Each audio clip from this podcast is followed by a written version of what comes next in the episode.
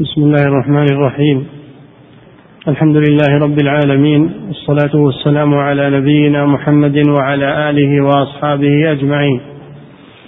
أما بعد قال المؤلف رحمه الله تعالى وفي المسند لأحمد أن أبا بكر الصديق رضي الله عنه كان يسقط الصوت من يده فلا يقول لأحد ناولني إياه ويقول خليلي أمرني ألا أسأل الناس شيئا. بسم الله الرحمن الرحيم. الحمد لله رب العالمين صلى الله وسلم على نبينا محمد وعلى آله وأصحابه أجمعين. تقدم أنه لا يجوز سؤال الغائبين ولو كانوا أحياء من الملائكة وغيرهم ولا يجوز سؤال الأموات. وأما الأحياء إذا كانوا حاضرين إذا كانوا حاضرين فيجوز سؤالهم لأنه لا محذور في ذلك من ناحية العقيدة ولأنهم يسمعون من سألهم ويقدرون على على إجابته. إلا أن الأولى إلا أن الأولى أن لا يسأل أحدا شيئا وأن يستغني. هذا هو الأولى أن يستغني عن الناس. حتى ولو كان السؤال جائزا. لأن سؤال الناس فيه ذلة. فيه حاجة إلى المخلوق. فكون الإنسان يستغني أحسن. وأيضا سؤال الناس فيه منة. إذا أعطوك وأجابوك فيه نوع منة. وكون المسلم يستغني ولا يسأل الناس شيئا أحسن وأسلم له. وكان الصحابة يبايعون النبي صلى الله عليه وسلم على ألا يسألوا أحدا شيئا. فعملوا بهذه المبايعة. فكان أبو بكر رضي الله عنه لا كان يسقط صوته وهو على الراحلة فلا يقول لأحد ناولني إياه. كان ينزل رضي الله عنه ويأخذ صوته استغناء عن الناس. وهو يقول أوصاني خليلي يعني الرسول صلى الله عليه وسلم. أوصاني ألا أسأل أحدا شيئا. ويجوز أن أن يقول الصحابي للرسول خليلي لكن الرسول لا يجوز له أن يقول خليل فلان لأن الله اتخذه خليلا كما اتخذ إبراهيم خليلا. فلا يجوز للرسول أن يقول خليل فلان بل يوحد الخلة مع ربه عز وجل. ولهذا قال في آخر حياته لو كنت متخذا من أهل الأرض خليلا لاتخذت أبا بكر خليلا ولكن صاحبكم خليل الله. والخلة معناها أعلى درجات المحبة ولم ينلها من الخلق أعلى درجات المحبة لله جل وعلا ولم ينلها من الخلق إلا محمد صلى الله عليه وسلم وإبراهيم. فقط. وأما المحبة التي دون الخلة فكل المؤمنين يحبون الله ويحبهم. كما قال تعالى سوف يأتي الله بقوم يحبهم ويحبونه. فالله يحب المؤمنين والمؤمنون يحبون الله عز وجل. لكن درجة الخلة لم ينلها إلا إثنان من الخلق نعم. وفي صحيح مسلم عن عوف بن مالك أن النبي صلى الله عليه وسلم بايع طائفة من أصحابه وأسر إليهم كلمة خفية ألا تسألوا الناس شيئا.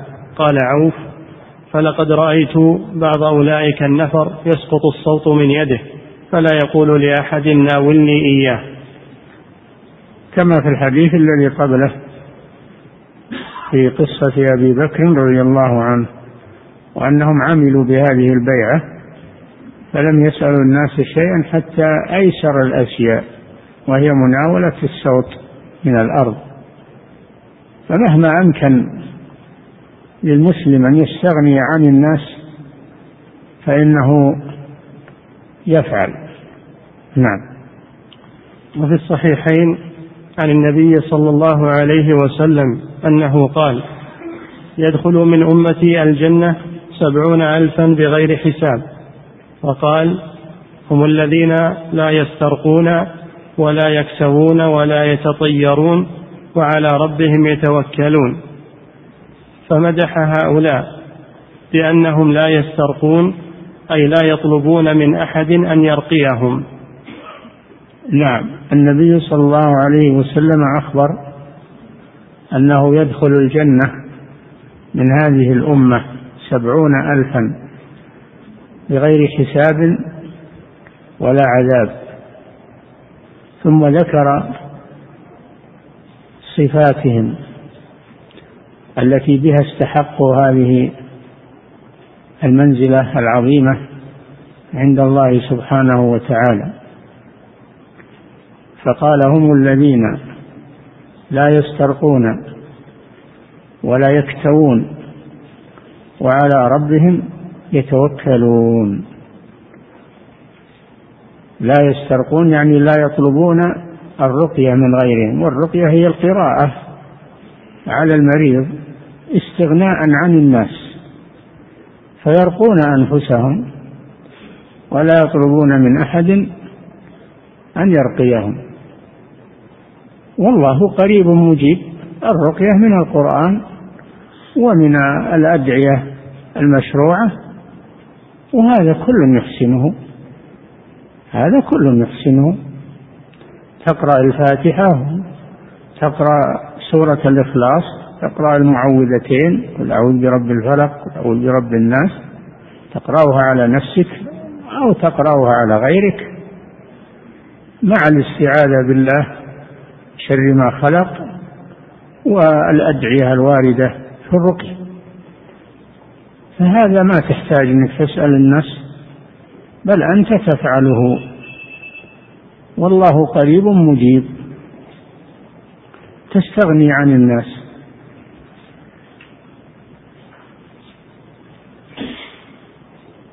فالذين الآن توسعوا في الرقية وصاروا يطلبونها حتى من غير أهلها. يطلبونها من المشعوذين والدجالين والسحرة الذين يدعون أنهم يعالجون الناس. وهم بين أمرين إما أن أن غرضهم من ذلك إفساد عقائد الناس بأن يأمروهم بالذبح لغير الله ودعاء غير الله وإما أن قصدهم ابتزاز أموال الناس وهذا هو الغالب. فأخذوا يتاجرون بالرقية ويفتحون المحلات للرقية ينظمون المكاتب. صارت الرقية حرفة امتهنوا امتهنوا الرقية وجعلوها للدنيا. مع أنها قربة إلى الله ونفع للمسلمين ولا ينبغي أن تجعل لطلب الدنيا. هذه ناحية. الناحية الثانية والثالثة كما ذكرنا لكم أنهم يكونون سحرة يكونون مشعوذين يكونون دجالين كهنة. لا يجوز أن الإنسان يبيع عقيدته ويبيع دينه ويذهب إليه. قال صلى الله عليه وسلم من أتى كاهنا لم تقبل له صلاة أربعين يوما. وفي الحديث الآخر من أتى كاهنا فصدقه بما يقول فقد كفر بما أنزل على محمد صلى الله عليه وسلم. فالأمر خطير جدا. ولا يجوز أن يدخل في الرقية من هب ودب ولا يجوز للناس يذهبون إلى هؤلاء. لأنهم يبتزون أموال الناس أو يفسدون عقائد الناس. فينبغي التنبه لهذا الأمر. الرقية في الأصل جائزة إذا كانت بالضوابط الشرعية فهي جائزة ولكن لا تتخذ حرفة ولا تخضع لطلب الدنيا والمتاجرة. إنما هي إنما هي نفع للناس وقربة إلى الله عز وجل بنفع المحتاجين. هذا هو الأصل فيها. ولا تخرج عن أصلها إلى أن تكون حرفة من الحرف ويدخل فيها من لا يحسنها أو يدخل فيها من أصحاب العقائد الفاسدة والدجالين والكذابين. وقال صلى الله عليه وسلم ليس من منا من سحر أو سحر له أو تكهن أو تكهن له. تبرأ الرسول صلى الله عليه وسلم من هؤلاء من الفريقين السحرة والكهنة والذين يطلبون السحر والكهانة. وفي الأيام الأخيرة ظهر من يفتي بأنه يجوز حل السحر عند السحرة وهذا أمر باطل. لا يجوز حل السحر عند السحرة لهذا الحديث ليس منا من سحر أو سحر له. وفي الأثر لا يحل السحر إلا ساحر. فأنت لا تذهب إلى الساحر تقع في قول الرسول صلى الله عليه وسلم من أتى كاهنا. والساحر أشد أشد من الكاهن. من أتى كاهنا فصدقه بما يقول فقد كفر بما أنزل على محمد صلى الله عليه وسلم. والسحر يحل بالرقية الشرعية وبالأدوية المباحة ولا يحل بالكفر والشرك بواسطة السحر. نعم. ولا يكتوون. نعم. هم الذين لا يسترقون ولا يكتوون ولا يتطيرون وعلى ربهم يتوكلون. أربع صفات. هم الذين لا يسترقون لا يطلبون الرقية بل إنهم هم يرقون أنفسهم. لا يسترقون ولا يكتوون. الكي مكروه ومباح هو مباح لكنه مكروه. لما فيه من استعمال النار كرهه النبي صلى الله عليه وسلم فهو جائز مع الكراهة. إلا إذا احتيج إليه إذا احتيج إليه فإنه تزول الكراهة. المكروه إذا احتيج إليه زالت الكراهة. لا لا يسترقون ولا يكتوون ولا يتطيرون. الطيرة شرك. الطيرة شرك وهي التشاؤم بالمخلوقات وتوقع الشر منها مما يجعل الإنسان يخاف من المخلوق. ويخشى المخلوق بل عليه أن يتوكل على الله وأن يخشى الله سبحانه وتعالى وأن يعلق قلبه بالله ولا يخاف إلا الله. ولا يخشى إلا الله سبحانه وتعالى. التطير شرك لأنه فيه خوفا من المخلوق وتوقعا للمكروه وسوء ظن بالله سبحانه وتعالى. والصفة الرابعة على ربهم يتوكلون. هذه هي التي هي التي جعلتهم يتجنبون هذه الأشياء أنهم يتوكلون على الله فلا يسترقون يعني لا يطلبون من غيرهم ولم يقل لم ي... لا يرقون. يجوز للإنسان أنه يرقي نفسه ويرقي غيره. والنبي صلى الله عليه وسلم رقى ورقي. كونه هو يرقي لا بأس إنما الممنوع أنه يسترقي يطلب الرقي. ولا يكتوون لا يفعلون المكروه. لا يفعلون العلاج المكروه ولا وعلى ربهم يتوكلون. نعم.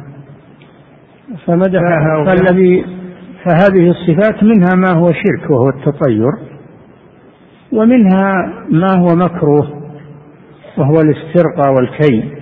نعم. فمدح هؤلاء بأنهم لا يسترقون أي لا يطلبون من أحد أن يرقيهم والرقية من جنس الدعاء فلا يطلبون من أحد ذلك. نعم لا يطلبون من أحد أن يدعو لهم أن تدعو الله عز وجل. والدعاء هو أعظم أنواع العبادة. لماذا تقول غيرك ادعو الله؟ تترك الدعاء أنت مع أنه أعظم أنواع العبادة. فأنت تدعو الله عز وجل. نعم. وقد روي فيه ولا يرقون وهو غلط. الرواية هذه غلط. ولا يرقون هذا غلط. ما هي صحيحة. لأن النبي صلى الله عليه وسلم رقى بعض المرضى ورقي رقاه جبريل عليه السلام بالمعوذتين. فرواية لا يرقون غلط. والصحيح والصواب لا يسترقون.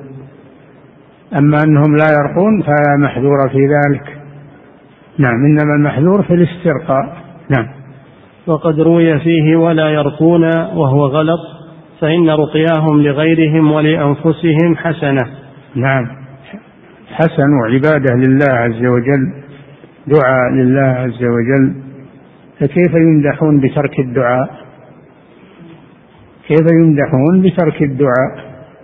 وكيف يمدحون بترك نفع الناس؟ نعم. هذا يدل على أن هذه الرواية غير صحيحة. نعم. وكان النبي صلى الله عليه وسلم يرقي نفسه وغيره ولم يكن يسترقي. كان صلى الله عليه وسلم يرقي نفسه فيقرا على نفسه وكان يرقي غيره من المرضى. فكيف يفعل شيئا لا يجوز؟ كان يرقي ويسترقي عليه الصلاة والسلام. نعم. كان النبي صلى الله عليه وسلم يرقي نفسه وغيره ولم يكن يسترقي. أما لو جاء الراقي وقرأ عليك بدون تطلب منه هو جاء وقرأ عليك بدون أنك تطلب منه لا بأس بذلك ولا يدخل في الكراهة. نعم. فإن رقيته نفسه وغيره من من جنس الدعاء لنفسه ولغيره وهذا مأمور به. الدعاء مأمور به أن يدعو الإنسان لنفسه وأن يدعو لغيره. ربنا اغفر لنا ولإخواننا الذين سبقونا بالإيمان. رب اغفر لي ولوالدي. استغفر لذنبك وللمؤمنين والمؤمنات. كونك تدعو لنفسك وتدعو للناس هذا مطلوب ومشروع. نعم. وهذا مأمور به فإن الأنبياء كلهم سألوا الله ودعوه. كما ذكر كما ذكر الله ذلك في قصة آدم وإبراهيم وموسى وغيرهم. نعم الله ذكر عن الأنبياء أنهم يدعون يدعون ربهم. فآدم عليه السلام دعا ربه. ربنا ظلمنا أنفسنا وإن لم تغفر لنا وترحمنا لنكونن من الخاسرين. ونوح عليه السلام قال رب اغفر لي ولوالدي ولمن دخل بيتي مؤمنا وللمؤمنين والمؤمنات. وإبراهيم عليه السلام دعا لنفسه ولذريته وللمؤمنين يوم يقوم الحساب. رب اغفر لي ولوالدي وللمؤمنين يوم يقوم الحساب. محمد صلى الله عليه وسلم دعا لنفسه ودعا للمسلمين. فسادة الأنبياء يدعون الله عز وجل. إنهم كانوا يسارعون في الخيرات ويدعوننا رغبا ورهبا وكانوا لنا خاشعين. هذه في الأنبياء الذين ذكرهم الله في سورة الأنبياء. نعم. وما روي أن الخليل عليه السلام لما ألقي في المنجنيق قال له جبريل سل. قال حسبي من سؤالي علمه بحالي ليس له إسناد معروف وهو باطل. هذا الحديث لا أصل له. ومعناه يعني هو من ناحية الإسناد ليس له إسناد. ومن ناحية المعنى هو باطل. لأن هذا فيه إلغاء للدعاء. هذا فيه إلغاء للدعاء. كأن إبراهيم ترك الدعاء. وقال إن الله يعلم. يعني وإذا كان يعلم لا حاجة للدعاء. الله جل وعلا نعم يعلم كل شيء لكن مع هذا أمرنا بالدعاء. وإلا فهو يعلم كل شيء لا يخفى عليه أحوالنا. لكن مع هذا الله أمرنا بالدعاء. ادعوني أستجب لكم.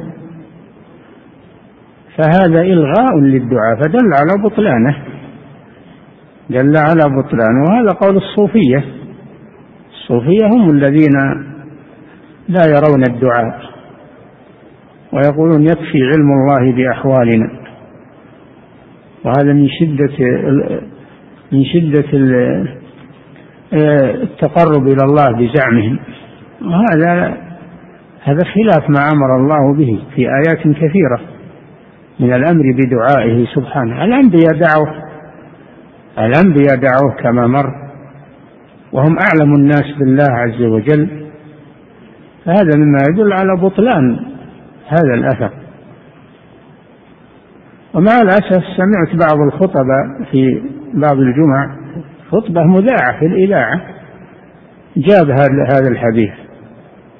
علم قال علمه يكفي عن سؤال علمه بحال دون أن يعلم هذا الخطيب أن هذا باطل ولا ولم يثبت عن النبي صلى الله عليه وسلم. ما كل ما وجد في الكتب يقرأ.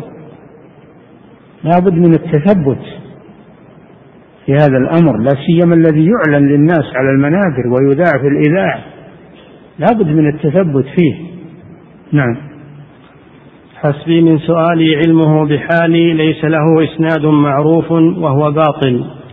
هو ليس له إسناد فهو لم يرد عن النبي صلى الله عليه وسلم. ما دام ما له إسناد إسناد معروف. له إسناد ساقط ليس بشيء. وأيضا معناه باطل كما سمعتم. نعم. بل الذي ثبت في الصحيح عن ابن عباس رضي الله عنهما أنه قال حسبي الله ونعم الوكيل. قال ابن عباس قالها إبراهيم عليه السلام حين ألقي في النار وقالها محمد عليه الصلاة والسلام حين قال لهم الناس إن الناس قد جمعوا لكم فاخشوهم. نعم. صح عن ابن عباس أن إبراهيم عليه السلام لما آه، قذفوه في النار قال حسبنا الله ونعم الوكيل. وهذا دعاء. حسبنا يعني كافينا. وهذا دعاء من الخليل عليه السلام. حسبنا الله ونعم الوكيل. ماذا كانت النتيجة؟ قلنا يا نار كوني بردا وسلاما على إبراهيم كفاه الله شر هذه النار. إبراهيم دعا عليه السلام في هذه الحالة ولم يقل من حسب من سؤال علمه بحالي وقالها محمد هذا في القرآن. الذين قال لهم الناس إن الناس قد جمعوا لكم فاخشوهم. هذا في وقعة أحد. لما حصل على المسلمين ما حصل من القتل والجراح وانتهت المعركة وقفل الكفار إلى مكة تشاوروا فيما بينهم وقالوا نرجع ونستأصل بقية المسلمين. فأرسلوا إلى الرسول صلى الله عليه وسلم مندوبا يخبره بأنهم سيرجعون إليهم. النبي صلى الله عليه وسلم استنفر الذين كانوا معه في أحد. استنفرهم وهم وهم جرحى أكثرهم جرحى. أكثرهم جرحى. استنفرهم ولم يستنفر غيرهم. فخرجوا مع الرسول صلى الله عليه وسلم. ونزلوا في حمراء الأسد مكان يسمى حمراء الأسد. فلما علم المشركون بخروجهم أصابهم الرعب وقالوا ما خرجوا إلا وفيهم قوة فهابوا أن يرجعوا. فولوا مدبرين. الذين قال لهم الناس إن الناس أي أبا سفيان ومن معه قد جمعوا لكم فاخشوهم فزادهم إيمانا. وقالوا حسبنا الله ونعم الوكيل. فانقلبوا بنعمة من الله وفضل لم يمسسهم سوء واتبعوا رضوان الله. والله ذو فضل عظيم. ابتلاء وامتحان. يجري على سادات الأولياء من الامتحان مثل هذا وأشد منه. لكن يصبرون. حسبنا الله ونعم الوكيل. قالها محمد صلى الله عليه وسلم وأصحابه حينما بلغهم الخبر ولم يضعفوا ولم يضعفوا الذين استجابوا لله والرسول من بعد ما أصابهم القرح للذين أحسنوا منهم واتقوا أجر عظيم. الذين قال لهم الناس إن الناس قد جمعوا لكم فاخشوهم فزادهم إيمانا ثقة بالله سبحانه وتعالى. ولم يقع الوهن في قلوبهم والخوف. زادهم إيمانا وقالوا حسبنا الله ونعم الوكيل. فهذا دعاء. فهذا دعاء. فكيف إن الإنسان إذا وقع في شدة لا يدعو الله عز وجل ويقول حسبي من سؤال علمه بحالي؟ هذا باطل. نعم. وقد روي أن جبريل عليه السلام قال له قال هل لك من حاجة؟ قال أما إليك فلا وقد ذكر هذا الإمام أحمد وغيره. وأما الذي الذي ورد أن جبريل اعترض ل أن جبريل اعترض لابراهيم وهو في الهواء قذفوه في النار اعترض له جبريل قال له هل لك حاجة؟ قال أما إليك فلا. يعني أنت مخلوق. وأما إلى الله فبلى. أنا بحاجة إلى الله سبحانه وتعالى. فهذا مثل قول حسبنا الله ونعم الوكيل استغنى عن الخلق. هذا استغنى عن الخلق بالخالق سبحانه وتعالى. نعم. وأما سؤال الخليل لربه عز وجل فهذا مذكور في القرآن في غير موضع؟ فكيف يقول حسبي من سؤالي علمه بحالي؟ نعم ذكر الله عن الخليل إبراهيم عليه السلام في آيات كثيرة أنه دعا الله. أنه دعا الله بادعيه في سورة إبراهيم في آخرها الأدعية العظيمة التي دعا بها إبراهيم دعا لأهل مكة ودعا لذريته هو وإسماعيل عليهما السلام. فكيف يقال أن إبراهيم يستغني عن عن الدعاء ويكتفي بعلم الله عز وجل؟ هذا من الكذب. نعم. فكيف يقول حسبي من سؤالي علمه بحالي والله بكل شيء عليم وقد أمر العباد بأن يعبدوه ويتوكلوا. لا تنافي لا تنافي بين علم الله وبين الدعاء لأن الدعاء من الأسباب. والله أمرنا بالدعاء مع أنه يعلم حالنا سبحانه وتعالى لأن الدعاء عبادة. وسبب من أسباب من أسباب النصر والرزق وكشف الكرب الكرب. فالدعاء سبب سبب عظيم وعبادة لله عز وجل. كيف يتهاون به؟ ويقال, ويقال يكفي علم الله في أحوالنا نعم. والله بكل شيء عليم. وقد أمر العباد بأن يعبدوه ويتوكلوا عليه ويسألوه. فلا تعارض بين هذا وهذا. نعم. لأنه سبحانه وتعالى جعل هذه الأمور أسبابا لما يرتبه عليها من إثابة العابدين وإجابة السائلين وهو سبحانه كيف تلغى الأسباب النافعة؟ ويقال هذا من التوكل على الله. القاعدة أن المسلم يجمع بين التوكل على الله وفعل الأسباب. هذه هي القاعدة. أما أنه يقتصر على التوكل على الله ويلغي الأسباب فهذا لا يجوز. أو العكس يعتمد على الأسباب ويترك التوكل على الله. هذا مذموم. والمشروع أنه يجمع بين التوكل على الله وفعل الأسباب. هذا هو المطلوب من المسلم. نعم. وهو سبحانه وتعالى يعلم الأشياء على ما هي عليه فعلمه بأن هذا محتاج أو هذا مذنب لا ينافي أن يأمر هذا بالتوبة والإستغفار ويأمر هذا بالدعاء وغيره من الأسباب التي تقضى بها حاجته. نعم. هذا هو الأصل أنه يجمع بين التوكل على الله وعلى فعل الأسباب. وكون الله يعلم بأحوالنا لا يتنافى مع كونه يأمرنا بدعائه وسؤاله سبحانه وتعالى. لا تنافي بينهما. نعم. كما يأمر سبحانه هذا بالعبادة والطاعة التي بها التي بها تنال كرامته. وكذلك الله أمرنا بطاعته وعبادته لننال بذلك كرامته وجنته. ولم يكفي إنه يعلم بحالنا ويدخلنا الجنة لأنه يعلم إن من من المحتاجين إليها. ما يكفي هذا. نعم. ولو أن الإنسان أصابه الجوع والعطش ما يقول الله يعلم أني عطشان ويعلم أني جائع ويجلس. أليس يذهب يطلب الماء ويطلب الطعام؟ هذا فعل الأسباب. هذا فعل الأسباب. ما يقول الله يعلم أني عطشان ويعلم أني جوعان ويجلس حتى يموت. لا نعم.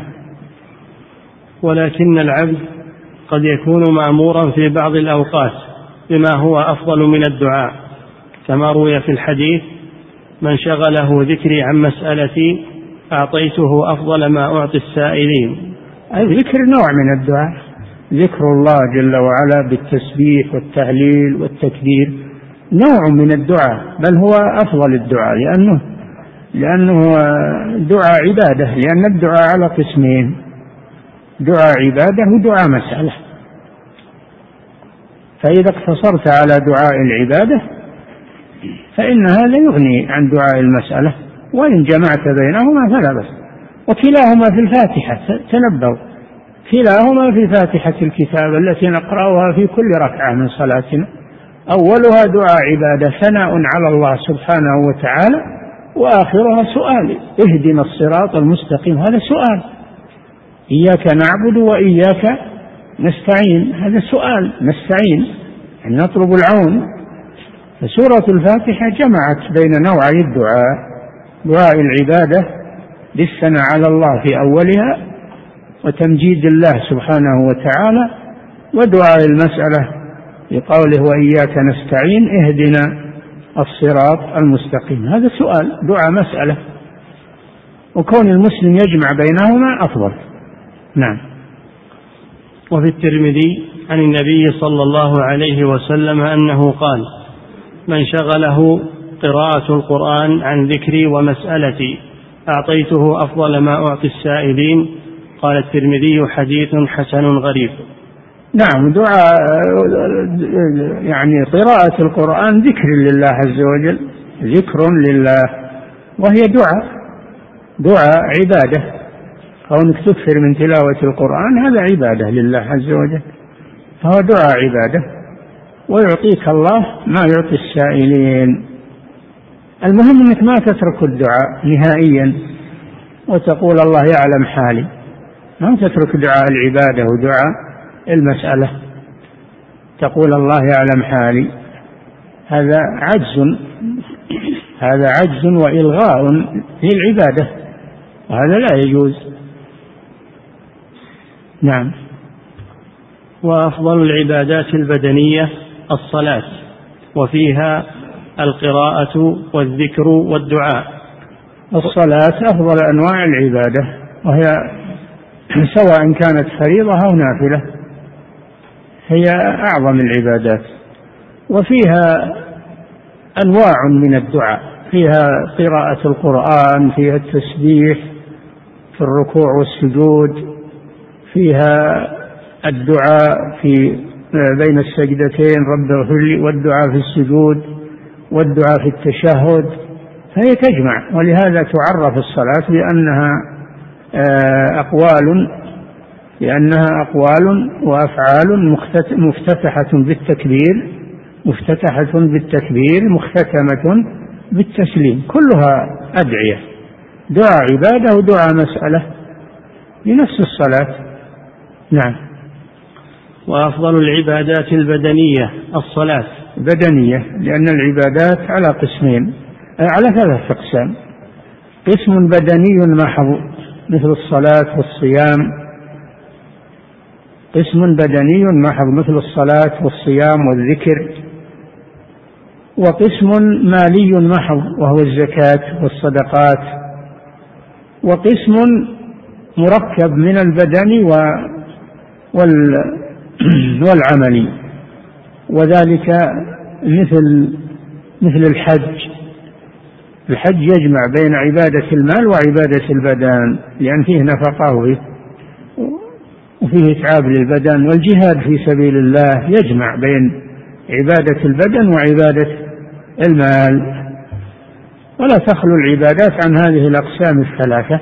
إما بدنية محضة وإما مالية محضة وإما مالية بدنية. نعم. وأفضل العبادات البدنية الصلاة وفيها القراءة والذكر والدعاء وكل واحد في موطنه مأمور به. ففي القيام بعد الاستفتاح يقرأ كل نوع من العبادة في موطنه مأمور به. فكيف يقال إن الدعاء لم يؤمر به؟ الله أمرنا في الصلاة أن ندعوه. نعم. وكل واحد في موطنه مأمور به ففي القيام بعد الاستفتاح يقرأ القرآن. نعم يقرأ الفاتحة وما تيسر من القرآن وهذا عبادة ودعاء. نعم. وفي الركوع والسجود ينهى عن قراءة القرآن ويؤمر بالدعاء. كل كل نوع مأمور به في محله ولا ينقل إلى المحل الثاني في الصلاة. فلا يجوز أن تقرأ في الركوع والسجود لأن محل القراءة في القيام محل القراءة في القيام. ولهذا في الحديث نهي إني نهيت أن أقرأ وأنا راكع أو أو ساجد. محل القراءة هو القيام. فلا يجعل الدعاء في القيام والقراءة في الركوع والسجود. هذا عكس ما أمر الله به ولا تصح الصلاة بهذا. نعم. وفي الركوع والسجود ينهى عن قراءة القرآن ويؤمر بالدعاء كما كان النبي صلى الله عليه وسلم يدعو في آخر في آخر الصلاة ويأمر بذلك. والدعاء وقال صلى الله عليه وسلم أقرب ما يكون العبد من ربه وهو ساجد. وقال عليه الصلاة والسلام أكثروا من الدعاء في السجود فقمن أن يستجاب لكم. نعم. والدعاء في السجود حسن مأمور به ويجوز الدعاء في القيام أيضا وفي الركوع وإن كان جنس القراءة والذكر أفضل. الجمع بين القراءة والدعاء في القيام لا بأس إنما الممنوع الاقتصار على الدعاء وترك القراءة. كونك تقرأ القرآن وتدعو الله. النبي صلى الله عليه وسلم كان يقرأ ويسأل عند آية الرحمة ويستعيذ عند آية العذاب. نعم. ويجوز الدعاء في القيام أيضا وفي الركوع وإن كان جنس القراءة والذكر أفضل. في الركوع الأفضل أن, أن الإنسان يقتصر على التسبيح سبحان ربي العظيم ويكررها وإذا دعا في الركوع فلا بأس. لكن الدعاء في السجود أفضل أفضل من الدعاء في الركوع. قوله صلى الله عليه وسلم فأما الركوع فعظموا فيه الرب. نعم. فالمقصود أن سؤال العبد لربه السؤال المشروع حسن مأمور به. ردا على من يقول ان إن السؤال إنه ليس مشروعا يكفي علم الله جل وعلا بحال العبد. نعم. وقد سأل الخليل وغيره.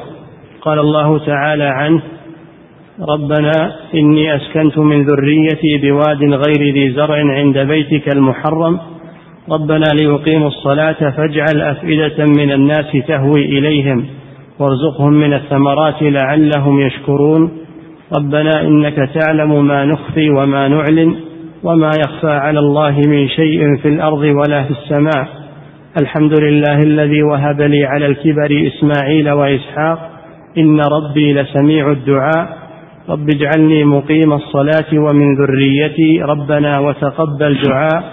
ربنا اغفر لي ولوالدي وللمؤمنين يوم يقوم الحساب. نعم إبراهيم الخليل عليه الصلاة والسلام حينما وضع من ذريته في مكة إسماعيل وأمه وضعهم في الوادي ثم أدبر عنهم ذاهبا إلى الشام. لما إنه اختفى عنهم بالجبل وقف وقف ودعا بهذا الدعاء العظيم. ربنا إني أسكنت من ذريتي بواد غير ذي زرع يعني مكة عند بيتك المحرم الذي أمره الله جل وعلا أن يضعهما فيه. وأمره بذلك فوضعهما فيه توكلا على الله سبحانه وتعالى ودعا لهذا البلد. رب اجعل رب اجعل هذا البلد آمنا واجنبني وبني أن نعبد الأصنام. وفي سورة البقرة رب اجعل هذا بلدا آمنا. هذا قبل أن يكون بلد. اجعل هذا بلدا آمنا. فلما صار بلدا قال رب اجعل هذا البلد آمنا. فدعا مرتين مرة قبل أن يبنى به وقبل أن يتكون ومرة بعدما تكون وصار بلدا. فهذا إبراهيم الخليل يدعو ربه عز وجل. كيف يأتي صوفي ويقول لا ما حاجة إلى الدعاء؟ يكفي علم الله بأحوال العباد. نعم. وقال تعالى واذ يرفع إبراهيم القواعد من البيت وإسماعيل ربنا ربنا وتقبل ربنا, ربنا تقبل منا إنك أنت السميع العليم. ربنا واجعلنا مسلمين لك ومن ذريتنا أمة مسلمة لك وأرنا مناسكنا وتب علينا إنك أنت التواب الرحيم. هذا الدعاء الذي في البقرة واشترك معه إسماعيل عليه السلام وأما الدعاء الذي في سورة إبراهيم فابراهيم قام به وحده كما في الآيات. نعم. وكذلك دعاء المسلم لأخيه حسن مأمور به. نعم دعاء المسلم لأخيه حسن. يعني فيه نفعا لأن فيه نفعا لأخيك. والله أمر أمر به واستغفر لذنبك وللمؤمنين والمؤمنات. وفيه نفع. ربنا اغفر لنا ولإخواننا الذين سبقونا بالإيمان. لا يقتصر الإنسان على نفسه بل يدعو لإخوانه. الأموات والأحياء هذا هو المشروع. نعم. لأن المسلمين أمة واحدة وجسد واحد. فكما تدعو لنفسك تدعو لإخوانك. نعم. وكذلك دعاء المسلم لأخيه حسن مأمور به وقد ثبت في الصحيح عن أبي الدرداء رضي الله عنه عن النبي صلى الله عليه وسلم أنه قال ما من رجل يدعو لأخيه بظهر الغيب إلا وكل الله به ملكا كلما دعا لأخيه بدعوة قال الملك الموكل به آمين ولك بمثله أي بمثل ما دعوت لأخيك به. نعم إذا دعوت لأخيك وهو غائب فإن الملك يؤمن على دعائك ويقول ولك بمثله. ولك بمثله. فإن الله يعطيك من الثواب مثل ما دعوت به لأخيك. فهذا فيه فضل الدعاء للغير. فيه فضل الدعاء للغير ولا سيما الغائب. نعم. وأما سؤال المخلوق أن يقضي حاجة نفسه أو يدعو له فلم يؤمر به بخلاف سؤال العلم. فإن إن نعم السؤال سؤال الغير على أقسام. أحدها أن تسأل حقا لك عنده. تسأل حقا لك عنده. الزوجة تطلب النفقة من زوجها والولد الفقير يطلب النفقة من والده هذا حق واجب عليه. الفقير يسأل الغني من الزكاة التي هي حق للفقير. أحد يسأل من ولي الأمر من بيت المال هذا لا بأس به لأن لك حق في هذا. لك حق في هذا فأنت تسأل حقك. لا بأس به. وليس هذا من ذلة السؤال وإنما تسأل حقا هو لك. النوع الثاني سؤال العلم. سؤال العلم. الله جل وعلا قال فاسألوا أهل الذكر إن كنتم لا تعلمون. وهذا ليس فيه ذلة هذا فيه فيه خير وفيه بذل للعلم. وأن تريد الهداية لنفسك فلا بد أنك تسأل أهل العلم. وهذا ليس فيه مذمة. ولا تستحي من سؤال العلم. لا تستحي من سؤال العلم. النوع الثالث سؤال الناس الأموال التي ليس لك فيها حق. هذا هو المكروه. هذا هو المكروه. إلا عند الحاجة الشديدة تزول الكراهة. تزول الكراهة ويجوز السؤال آه، ما يزيل حاجتك وضرورتك من الناس. نعم. وأما سؤال المخلوق أن يقضي حاجة نفسه أو يدعو له فلم يؤمر به.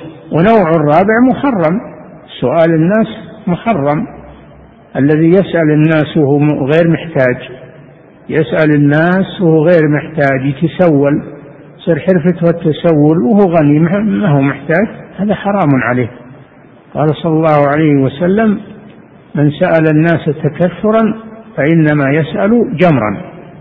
فليقل أو ليستكثر. وجاء أن أن السائل لا يزال يسأل الناس حتى يأتي يوم القيامة وليس في وجهه مزعة لحم. أي السؤال لأموال الناس وأنت لست مستحق ولا مضطرا إلى السؤال هذا حرام عليك. نعم. وأما سؤال المخلوق أن يقضي حاجة نفسه أو يدعو له فلم يؤمر به بخلاف سؤال العلم فإن الله أمر بسؤال العلم. كما في قوله تعالى فاسألوا أهل الذكر إن كنتم لا تعلمون.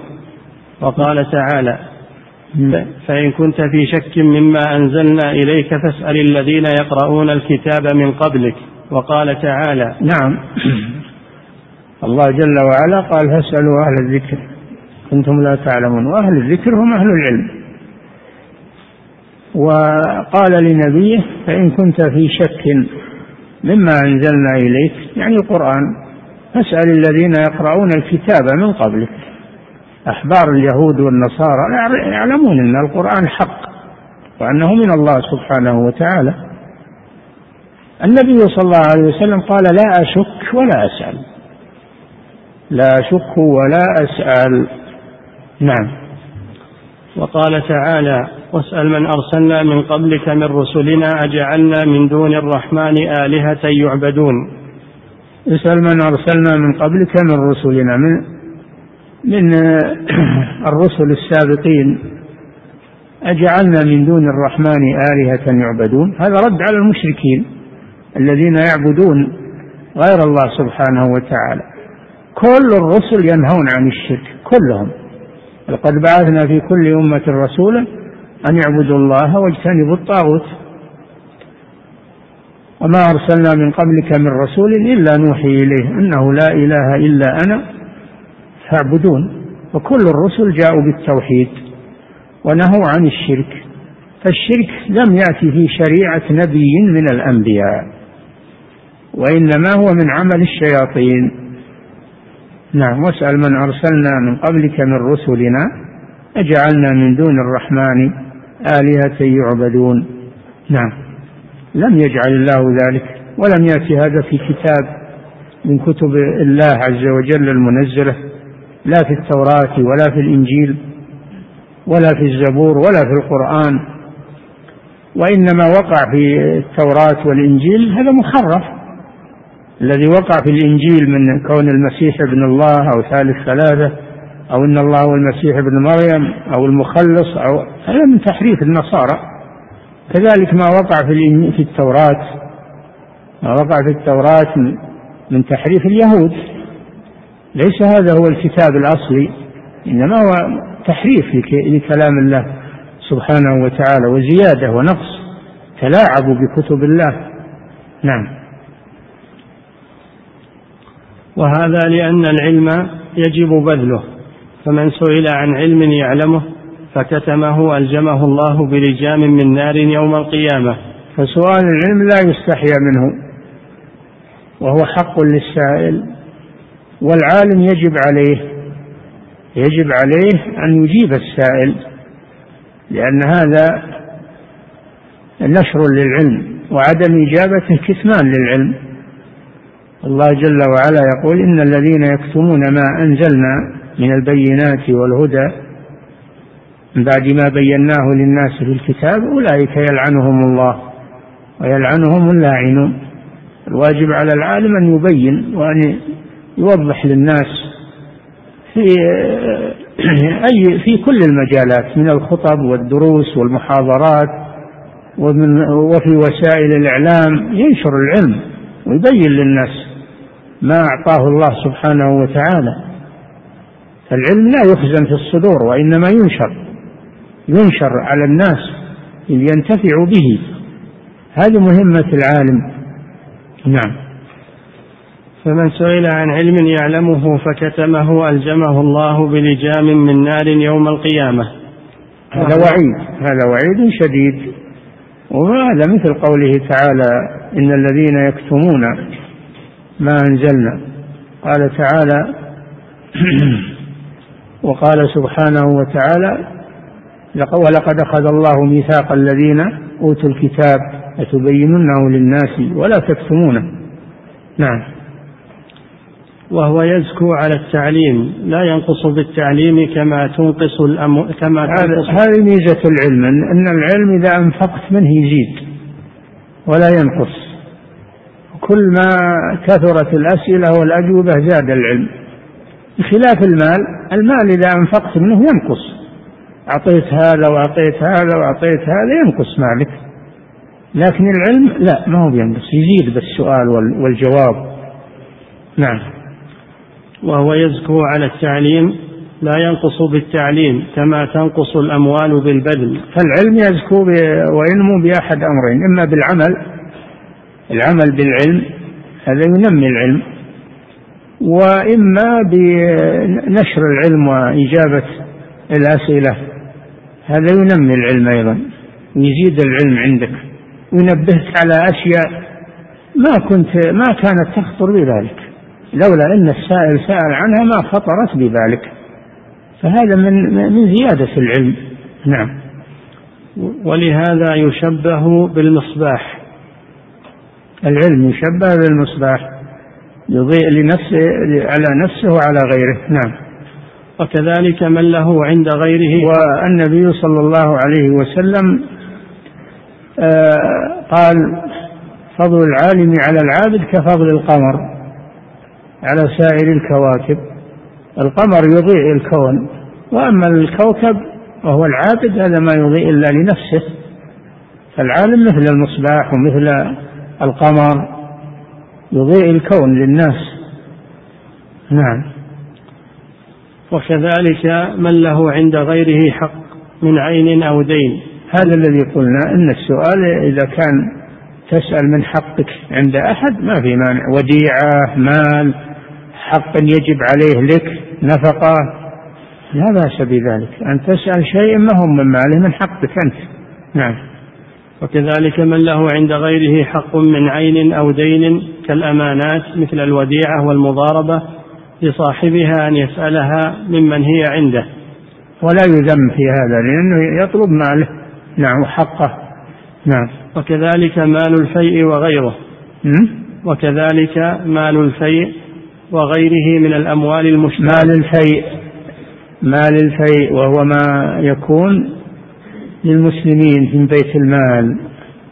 لك أن تسأل السلطان لك أن تسأل السلطان ولا يذم هذا لأن لك حقا في هذا. نعم.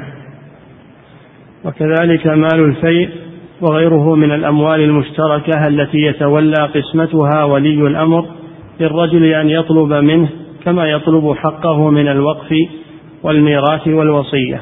نعم. لأن المتولي يجب عليه أداء الحق إلى مستحقه. نعم. ومن هذا الباب سؤال النفقة لمن تجب عليه.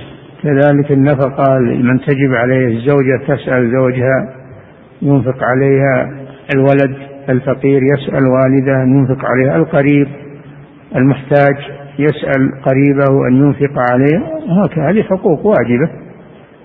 فلا بأس بسؤالها من من هي عنده. نعم. وسؤال المسافر الضيافة لمن تجب عليه. كذلك من الحقوق الواجبة الضيافة كما مر بنا في درس التفسير. الضيافة حق واجب على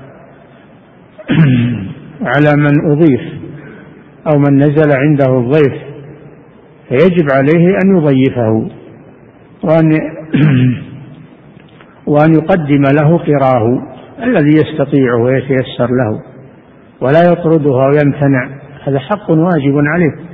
حتى أنهم قالوا لو امتنع فله فللضيف أن يشكي أن يشتكي. أو إذا ظفر بماله إذا ظفر الضيف بماله يأخذ قدر قدر ضيافته لأن هذا حق له على المضيف. نعم. وسؤال المسافر الضيافة لمن تجب عليه كما استطعم موسى والخضر أهل القرية. استطعم أهلها فأبوا أن يضيفوهما. فموسى والخضر استطعما يعني طلب القرى من أهل القرية فدل على أن القرى حق حق للضيف له أن يطلبه. نعم.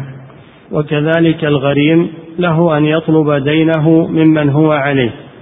كل الحقوق نعم كل الحقوق. وكل واحد من المتعاقدين له أن يسأل الآخر أداء حقه إليه. الشركاء الشركاء في التجارة كل واحد يسأل شريكه ما له من من الحق في هذه الشركة ولا يلام في هذا لأنه يطلب حقه. نعم. وكل واحد من المتعاقدين له أن يسأل الآخر أداء حقه إليه فالبائع يسأل الثمن والمشتري يسأل المبيع. وليس هذا من السؤال المذموم لأنه حق. نعم. ومن هذا الباب قول الله تعالى واتقوا الله الذي تساءلون به والأرحام. واتقوا الله الذي تساءلون به. تقول أسألك بالله. والأرحام أي اتقوا الأرحام أن تقطعوها.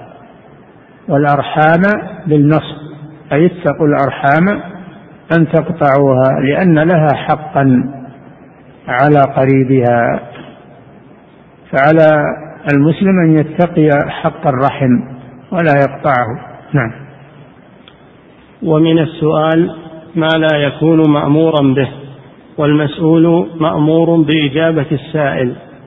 قال الله تعالى وأما السائل فلا تنهر. وقال تعالى نعم. السؤال هذا غير مأمور به للسائل ولكن المسؤول إذا سئل فإنه يجب عليه أن يعطي السائل وأما السائل فلا فلا تنهار فيعطي السائل بناء على ظاهر حاله أنه ما سأل إلا لحاجة فإن كان كاذبا يسأل الناس من غير حاجة فإثمه عليه إثمه عليه نعم لكن السائل له حق. نعم. وقال تعالى والذين في أموالهم حق معلوم للسائل والمحروم. فجعل الحق هذا للسائل فدل على أن السائل له حق. والمحروم الذي لا يسأل. محروم الفقير الذي لا يسأل. وقيل المحروم الذي نزلت به جائحة فأتلفت ماله وانحرم منه. فلما رأوها قالوا إنا لضالون بل نحن محرومون. لأنهم احترقت احترق بستانهم بما فيه. قالوا إنا لمحرومون. يعني أصابتهم جائحة.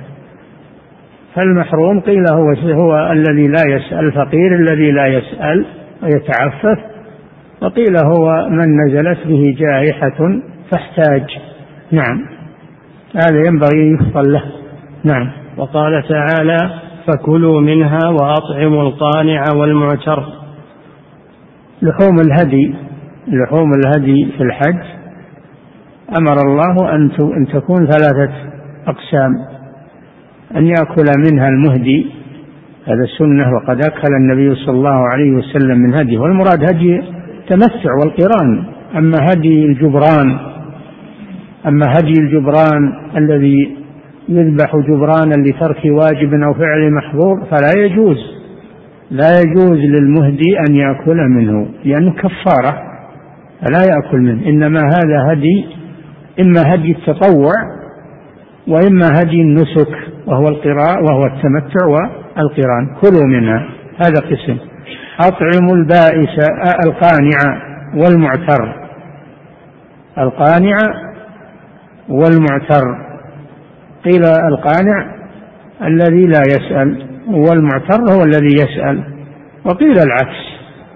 المهم أن أن لحم الهدي هدي هدي التطوع أو هدي التمتع والقران يستحب أن يأكل منه ولا يتركه لأن هذا من العمل بالسنة والعبادة وأن يطعم منه.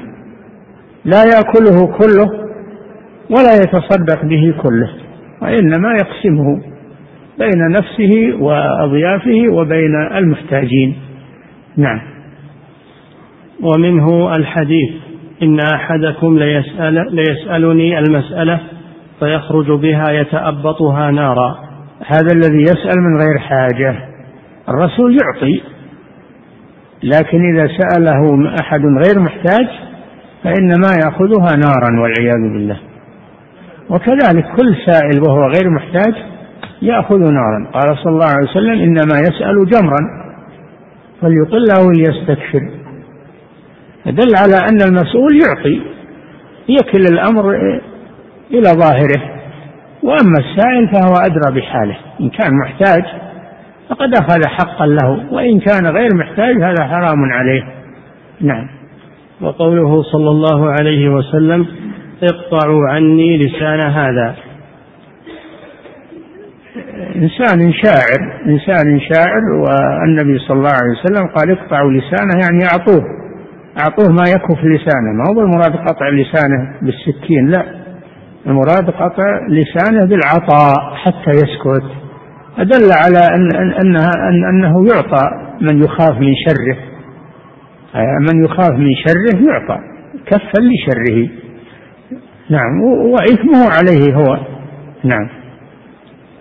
وقد يكون السؤال منهيا عنه نهي تحريم أو تنزيه؟ نقف عند هذا. نعم. نعم.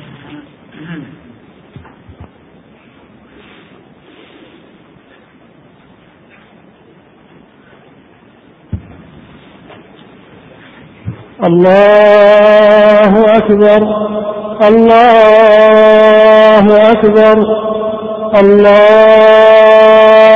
أكبر الله أكبر.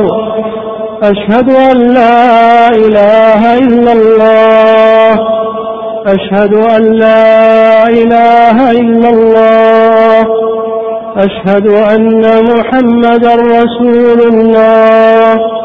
أشهد أن محمدا رسول الله. حي على الصلاة. حي على الصلاة. حي على الفلاح.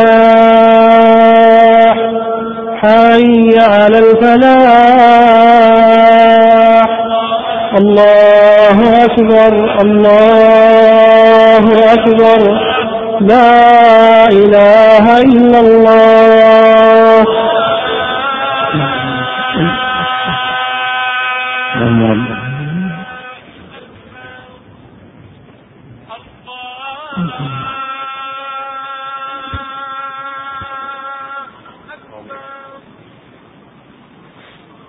نعم.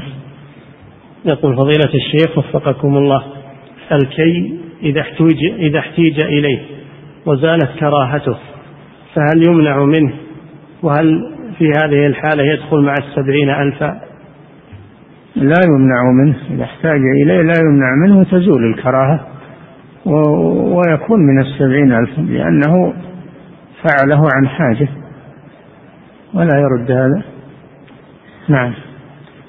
يقول فضيلة الشيخ وفقكم لكن إذا كان هناك علاج أحسن من الكي أو مثل الكي بديل.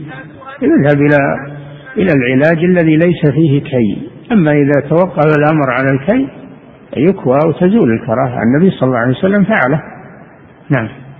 يقول فضيلة الشيخ وفقكم الله دائما ما نردد هذا الذكر وهو حسبنا الله ونعم الوكيل. فما هو المعنى الوافي لهذا الدعاء كي نتدبره وفقكم الله؟ حسبنا الله أي كافينا. الحسب هو الكفاية. فالله يكفي من من قال الله حسبي الله يتوكل على الله فهو فهو حسبه يعني كافيه ونعم الوكيل أي الموكول إليه أمور الخلق. فأمور الخلق موكولة إلى الله جل وعلا هو الذي يتولاها. فهذا من التفويض إلى الله عز وجل. والاعتماد عليه. نعم. يقول فضيلة الشيخ وفقكم الله بعض الناس لديهم إبل من النوع الغالي وقد تصل قيمتها إلى أسعار خيالية قد يصاب بعضها بالمرض فهل يجوز رقيتها؟ وكيف ذلك؟ وهل إذا قرأ في ماء شيئا من القرآن ثم أشربها للإبل هل هذا الفعل جائز؟ أولا المبالغة وتبذير الأموال وارتفاع قيمة الإبل إلى الخيال هذا أمر لا يجوز هذا من من التلاعب من التلاعب بالمال. وأما أن الإبل تعالج إذا كان هذا ينفع فلا بأس إذا كان أنه ينفع فلا بأس بذلك. وأحسن من هذا الورد تورد على نفسك وعلى مالك. نعم. يقول فضيلة الشيخ وفقكم الله هل يدل قول النبي صلى الله عليه وسلم لا يسترقون ولا يكتوون ولا يتطيرون وعلى ربهم يتوكلون؟ هل إيش؟ هل هل يدل قول قول النبي صلى الله عليه وسلم لا يسترقون ولا يكتوون ولا يتطيرون وعلى ربهم يتوكلون؟ هل يدل على أن الأولى عدم طلب التداوي لأن الرقية نوع من العلاج؟ التداوي مباح ليس واجبا ولا مستحبا بل هو من المباحات. فإذا تركه فقد ترك مباحا. لا والمباح لا يذم لا لا يأثم تاركه ولا يثاب فاعله. تساوي الطرفين. نعم. يقول فضيلة الشيخ وفقكم الله إذا حضر المريض عند شخص وعرض له في الكلام أنه مريض أو ممسوس لأجل أن يرقيه ولم يصرح له بهذا الطلب. فهل هذا يدخل في طلب الرقية من الغير؟ ما يدخل لكن ترك هذا لأن إذا كان القصد من الإخبار طلب الرقية هذا طلب ضمني سؤال ضمني. يترك هذا ويفوض الأمر إلى الله سبحانه وتعالى. نعم ويرقي نفسه. يرقي نفسه هو يدعو لنفسه ويقرأ من القرآن. نعم ولا يحتاج للنفس. نعم. يقول فضيلة الشيخ وفقكم الله لقد ورد عن النبي صلى الله عليه وسلم أنه قال لعمر رضي الله عنه لا تنسنا يا أخي من دعائك. هذا سيأتي سيأتي في كلام الشيخ. رحمه الله وأن هذا من باب تكريم عمر. هذا من باب تكريم عمر رضي الله عنه. نعم. يقول فضيلة الشيخ وفقكم الله إذا سأل الوالد ولده أن يرقيه هل يدخل في الحديث أم أن ولده من كسبه؟ يدخل في الحديث. يدخل في الحديث. ترك هذا أحسن. حتى من ولدك. أن ترق نفسك. نعم. يقول فضيلة الشيخ وفقكم الله هل سؤال الناس فيه الكراهة على الإطلاق أم أنه لا بأس بالأمر الذي لا يستطيعه المسلم ويحتاج إلى مساعدة من أخيه؟ هذا قلنا إذا أنه احتاج إزالة الكراهة. الكراهة تزول مع الحاجة. نعم. يقول فضيلة الشيخ وفقكم الله وهذا السؤال تكرر. يقول قد كثر السؤال تكثرا خاصة في بيوت الله. وقد جمع الأكثرون من هؤلاء السائلين بين مخالفتين هي الكذب ومخالفة القرارات الصادرة من عدم السماح لهؤلاء بسؤال الناس في المساجد. السؤال كيف التعامل الشرعي معهم حين قيامهم وسؤالهم؟ هل يزجرون إن لم يكفوا عن الأمر بهذا؟ وهل يؤخذ ما جمعوه من أموال؟ فيقوم الإمام ويتصدق بها على محتاجين حقيقيين. هذا له جهة مختصة مكافحة التسول. هذا له جهة مختصة حكومية وهي مكافحة التسول. وأما أنت ما تقدر تمنعهم ولا تدري عن أحوالهم. نعم. يقول فضيلة الشيخ وفقكم الله في قول النبي صلى الله عليه وسلم من أتى عرافا فصدقه بما يقول. فقد كفر بما أنزل على محمد صلى الله عليه وسلم. هل هذا يعني أنه خارج من ملة الإسلام؟ وهل تكون زوجته طالقة منه؟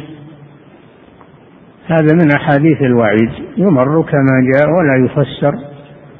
وقد يكون إنه كافر إذا صدقه بما يقول فذبح لغير الله أو دعا غير الله. أو صدق إن دعاء غير الله جائز وأنه لا بأس به أو إن الذبح لغير الله جائز. إذا درى عن هذا وصدقه يكون كافر عن الكفر الأكبر. نعم.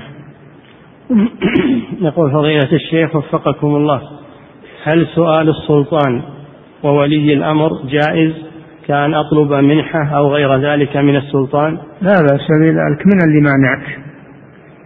راح وسأل ما خالف قدم طلب. نعم.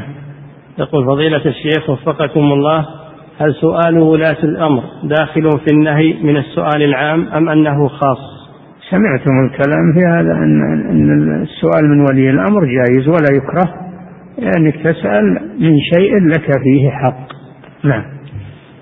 يقول فضيلة الشيخ وفقكم الله قال بعض من يفسر القرآن في قول الله تعالى حكاية يقول عن إبراهيم رب مسني الضر وأنت أرحم الراحمين.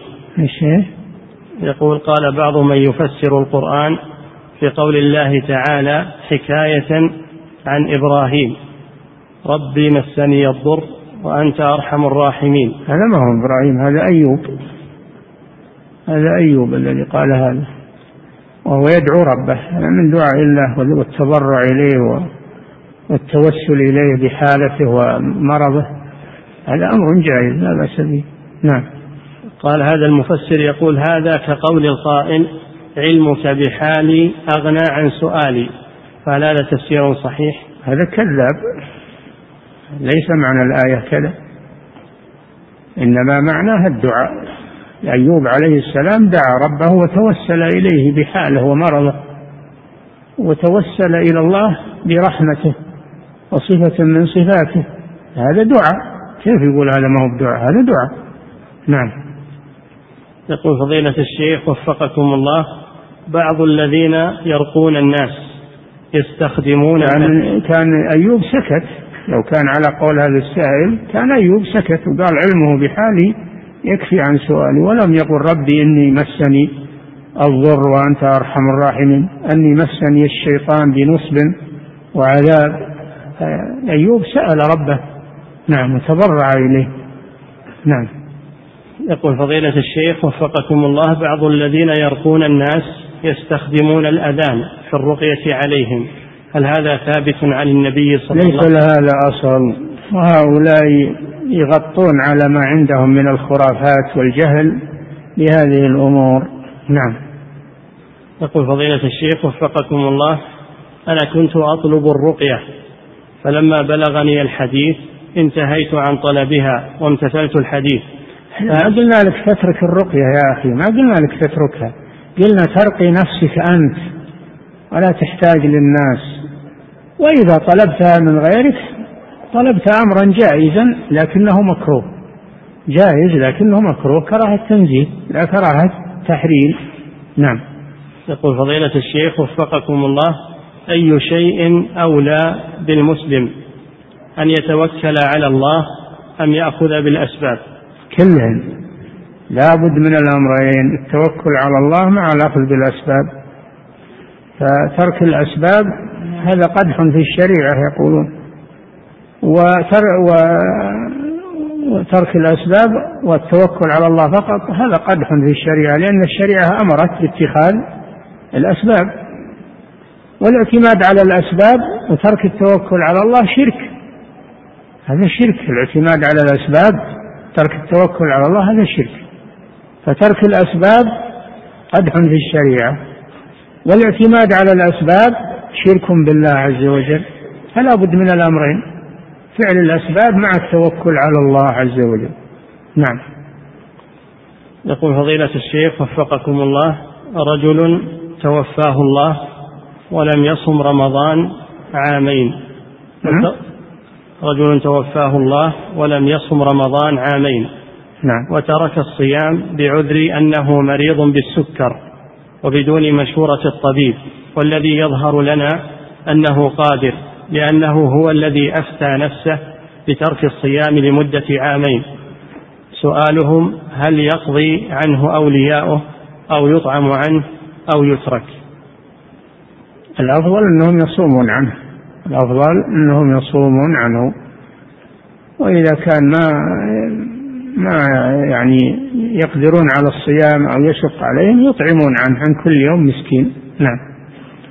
يقول فضيلة الشيخ وفقكم الله اعتاد بعض الناس إخراج كميات من التمر بعد صلاة فجر يوم عيد الفطر ووضعها في المساجد أو المصليات ليأكلها المصلون في ذاك اليوم.